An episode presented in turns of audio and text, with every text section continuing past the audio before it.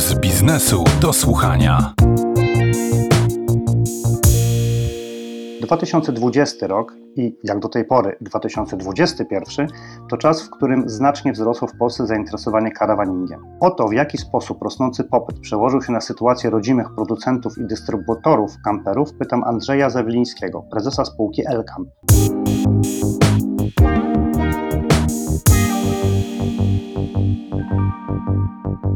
Tak, oczywiście. Na pewno ta sytuacja bardzo sprzyja rynkowi. Wiele osób zauważyło tutaj dość intratny interes i w ostatnim czasie powstało wiele mniejszych bądź większych firm, które zabudowują kampery. Zabudowują w postaci takiej, że zabudowują furgon, czyli samochód blaszak dowolnie konfigurowany, wysoki, niski, długi, krótki. W zależności od możliwości takiej firmy jest on zabudowywany. W tej chwili w Polsce takich profesjonalnych firm jest myślę, że około pięciu, które zabudowują kampery właśnie na blaszakach, e, począwszy od e, powiedzmy samochodu typu T6, czyli Volkswagen Transporter, a skończywszy na Mercedesach Sprinterze. To jest taka paleta samochodów blaszaków bardzo popularnych w Polsce i najczęściej właśnie wykorzystywanych do produkcji kamperów. Są to głównie e, samochody budowane na indywidualne potrzeby, natomiast są w sumie cztery duże podmioty w Polsce, które budują także na eksport. Tutaj mówimy o, jeśli miałbym wymienić nazwy, to oczywiście Globe Traveler, który reprezentuję. Affinity to jest firma, która też produkuje samochody y, właśnie na furgonach y, typu Fiat, Ducato i Peugeot Boxer.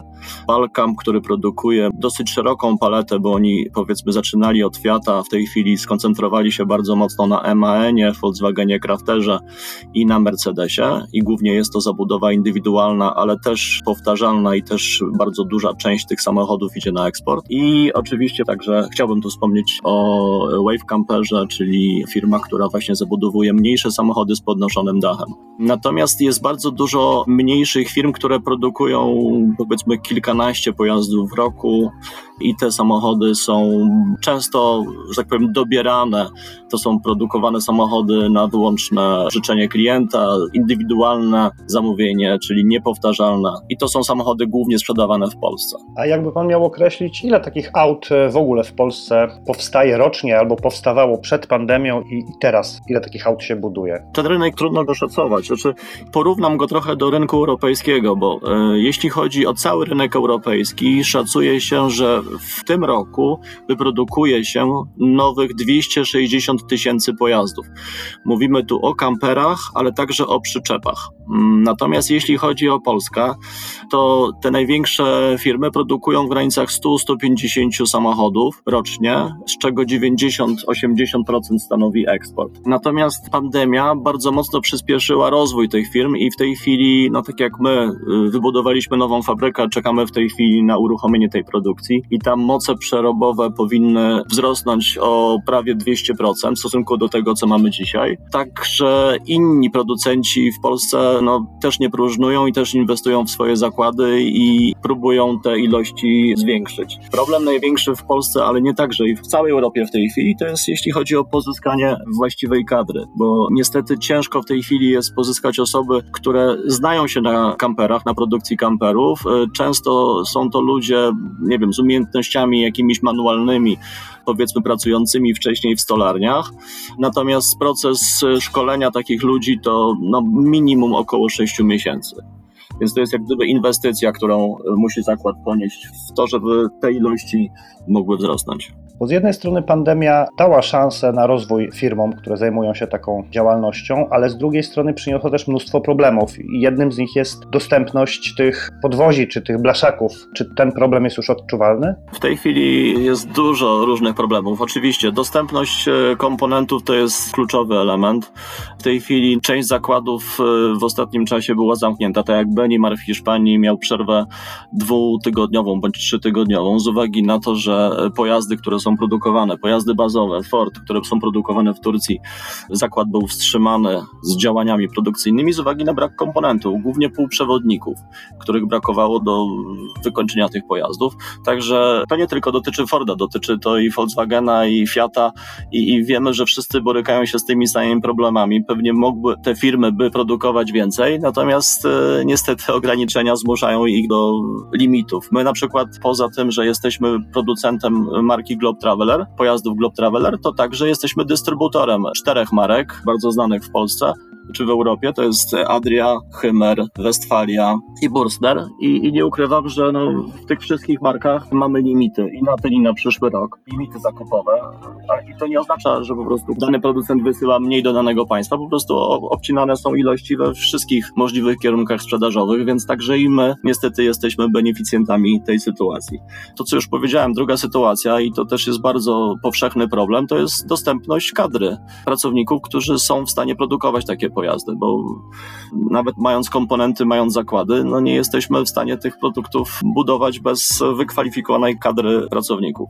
I trzecia rzecz to w tej chwili też dosyć duży problem, to jeśli chodzi o ceny transportu. Jak wiemy, większość komponentów y, pochodzi z rynku azjatyckiego. W ostatnim czasie ceny kontenerów z rynku, właśnie z tamtych kierunków, podrożały dwu, trzy, trzykrotnie, więc to też ma przełożenie się na ceny. I my już wiemy nie tylko od jednego producenta, ale od trzech producentów dostaliśmy potwierdzenie, że w przyszłym roku ceny wzrosną na poziomie 5-6%. I to też niestety no, nie jest to korzystna informacja dla klientów. No jeszcze jest druga niekorzystna informacja, to zamieszanie z akcyzą. Czy mógłby Pan dwa słowa na ten temat powiedzieć, jakie będą skutki podniesienia akcyzy na samochody dostawcze, na których pracujecie? W tej chwili wszystkie kampery, które były produkowane w Polsce, były produkowane na samochodach dostawczych. E, samochody dostawcze były przerabiane na samochody specjalne kamperowe i nie były obłożone podatkiem akcyzowym. Od 1 lipca niestety jesteśmy zmuszeni, niezależnie od silników, ale e, no, wszystkie pojazdy przerobione w Polsce są obłożone podatkiem akcyzowym. I tutaj największą trudnością mają firmy, które produkują te kampery na samochodach typu Fiat, bądź Peugeot Boxer, które y, niestety mają silniki powyżej 2 litrów, a to oznacza dodatkowy koszt w granicach o 19%. Jakie to może mieć przełożenie na sprzedaż kamperów w Polsce? To znaczy, już część firm zapowiedziało, że sfokusuje się na eksport. Y, my generalnie mamy w tej chwili ponad 30 y, dystrybutorów w całej Europie i no, rozwijamy cały czas tą naszą sieć, więc na pewno to będzie miało przełożenie takie, że nieznaczna część pojazdów trafi na rynek polski, no bo wiadomo, że ten klient musi ponieść ten koszt w granicach 40 tysięcy złotych dodatkowo. Natomiast część firm jak gdyby zdecydowało się na zakup y, furgonów z silnikami 2.0, czyli są to pojazdy MAN, Volkswagen, Ford i te pojazdy zabudowuje u siebie tutaj w Polsce, płacąc akcyzę na poziomie 3%. Więc jest to powiedzmy jakieś rozwiązanie. Natomiast wtedy zawężamy tą ofertę dla polskiego klienta i samochód, który jest najbardziej popularny, a w Europie takim samochodem jest Fiat, no niestety nie będzie tak dobrze sprzedawał się w Polsce, bo ta cena naprawdę jest bardzo wysoka. Żeby kupić polskiego kampera będę musiał jechać do Niemiec. To do, do tego się sprowadzi. Tak i nie, bo i tak i tak rejestrując ten samochód musi odprowadzić pan akcyzę i to tak wcześniej było. Natomiast samochody w Polsce mogłyby być zabudowywane bez tego podatku. Natomiast trzeba sobie też powiedzieć, że takie zakłady duże jak Trigano, grupa Trigano, która produkuje około 80 tysięcy pojazdów rocznie, czy grupa Torch, tam gdzie należy Hymer, też podobne ilości, jeśli chodzi o produkcję roczną, no to troszeczkę mają inne możliwości, powiedzmy także regulacji swoich cen. Mają większe możliwości zakupu komponentów w niższych cenach z uwagi na wolumen zakupowych, które generują. I, I, ciężko nam, firmom w Polsce, konkurować z takimi dużymi gigantami. I nawet jeżeli tej akcyzy nie było dla pojazdów, które były produkowane w Polsce, ale trzeba przyjąć, że my odprowadzaliśmy wszystkie podatki, bo pracownicy byli rozliczani zgodnie z prawem, czyli ZUS, y, no, wszystkie podatki były płacone w Polsce, to jednak e, moim zdaniem egzekwowanie powiedzmy akcyzy za samochody, które są produkowane w Polsce, no nie jest do końca uczciwe w stosunku do firm, które tutaj mają, prowadzą swoją działalność i te samochody przerabiają. Natomiast e, drugą kwestią jest jeszcze metoda, jaką przyjął Urząd Skarbowy do rozliczenia tej akcyzy, bo przyjęto średnią cenę zakupową samochodu, kampera.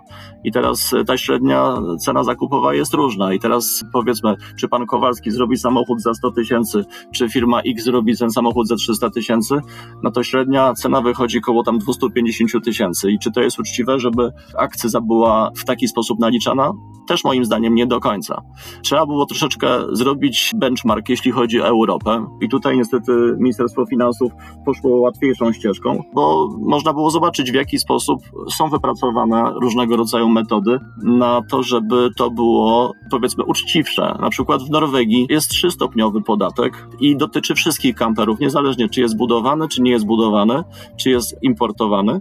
I po pierwsze jest to od pojemności silnika i tutaj trochę mamy łatwiejszą sytuację, bo wszystkie silniki do 1.6 mają jedną stawkę i powyżej 1.6 inną stawkę.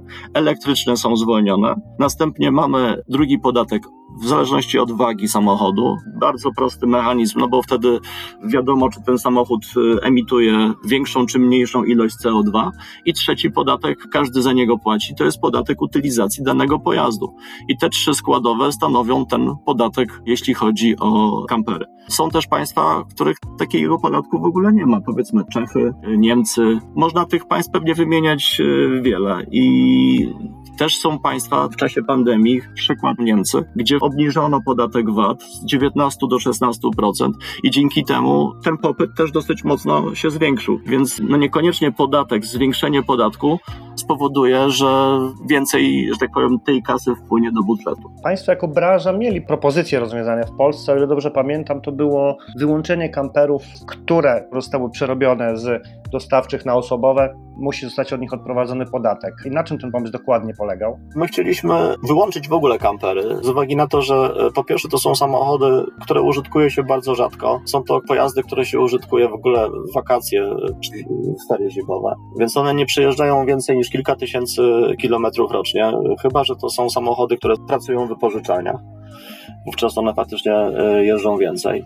I ta skala zjawiska no, nie jest duża, tak? Więc to naprawdę jest jakaś liczba marginalna. Natomiast powodem wprowadzenia tej akcyzy było uszczelnienie systemu poprzez brak możliwości sprowadzania bądź rejestrowania samochodów, które na przykład były samochodami bardzo drogimi, osobowymi, montowano na przykład kasetę z pieniędzmi i taki pojazd był rejestrowany jako bankowóz. A często były to samochody bardzo drogie, nie wiem, nie chcę teraz tutaj mówić, czy to było Porsche, czy to było Lamborghini, czy jakiś inny pojazd, ale to były bardzo drogie samochody. Tak samo jeśli chodzi o pomoc drogową, też były przypadki, że no, ktoś importując taki samochód jako bardzo drogi, ekskluzywny samochód, montował koguty i była to pomoc drogowa. Więc to owszem, to dla mnie to jak najbardziej takie praktyki powinny być ukrócone, natomiast ograniczanie y, powiedzmy tego rynku, jakim jest rynek karawaningowy, który dosyć fajnie zaczął się rozwijać i ma dosyć duży potencjał i także dla budżetu, a także i dla turystyki w Polsce. No, moim zdaniem to nie był trafiony pomysł i dosyć szybko podjęty i ktoś nie, nie do końca wszystkie pewnie parametry skalkulował. Panie Andrzeju, bardzo dziękuję za rozmowę i życzę dobrego wypoczynku, bo słyszałem, że jest Pan w kamperze w tej chwili, wybiera się na wakacje. Tak, to prawda, bardzo dziękuję. Faktycznie jedziemy w końcu. Po dwóch latach udało się wyjechać na wakacje. Głównie przez pandemię, ale także przez dosyć spory popyt na rynku kamperowym. Dziękuję za rozmowę. Naszym gościem był Andrzej Zaweliński, prezes spółki Elkamp. Dziękuję.